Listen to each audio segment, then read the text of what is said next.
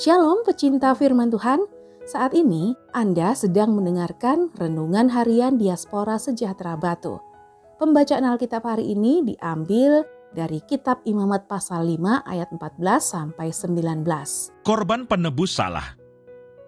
Tuhan berfirman kepada Musa, Apabila seseorang berubah setia dan tidak sengaja berbuat dosa dalam sesuatu hal kudus yang dipersembahkan kepada Tuhan, maka haruslah ia mempersembahkan kepada Tuhan sebagai tebusan salahnya seekor domba jantan yang tidak bercela dari kambing domba, dinilai menurut sikal perak, yakni menurut sikal kudus menjadi korban penebus salah.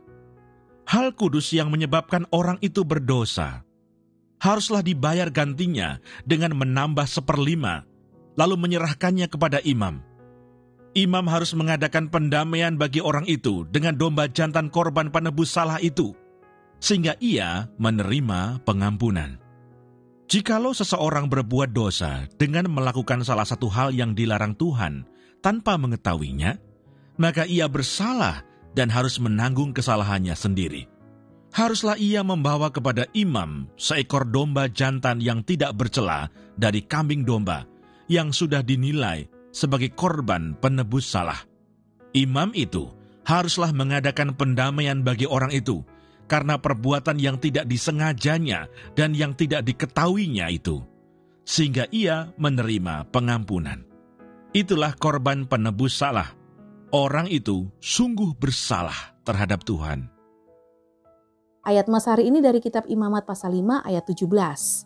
Jikalau seseorang berbuat dosa dengan melakukan salah satu hal yang dilarang Tuhan tanpa mengetahuinya, maka ia bersalah dan harus menanggung kesalahannya sendiri. Imamat pasal 5 ayat 17. Renungan hari ini berjudul Tidak ada toleransi bagi dosa. Setiap manusia tentu pernah melakukan kesalahan, baik kesalahan yang sepele maupun yang serius. Setiap kesalahan yang dilakukan oleh seseorang memiliki dua kriteria yang akan menentukan berat atau ringannya hukuman yang akan diterima. Kesalahan yang dilakukan dengan sengaja membuat hukuman yang diterima akan lebih berat dibanding hukuman untuk kesalahan yang tidak disengaja. Sedangkan apabila ada seseorang yang melakukan kesalahan tetapi dia tidak mengerti bahwa yang dia lakukan merupakan tindakan yang dilarang, maka setidaknya masih ada toleransi dalam memberi konsekuensi atas kesalahan yang diperbuat.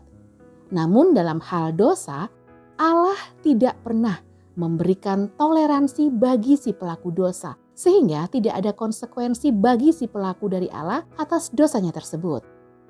Di hadapan Allah, dosa dalam bentuk apa pun dan dengan alasan apa pun tidak dapat ditoleransi. Dosa tetaplah dosa dan menjijikkan di hadapan Allah. Namun melalui bacaan kita saat ini, Allah menunjukkan bahwa walaupun dia tidak menoleransi dosa yang dilakukan karena ketidaktahuan umat, tetapi Allah memberikan solusi kepada umat untuk menyelesaikan dosanya di hadapan Allah dengan tujuan supaya mendapatkan pengampunan darinya. Tetapi prinsipnya tidak boleh dikurangi nilainya, yaitu dosa tetaplah pelanggaran di hadapan Allah.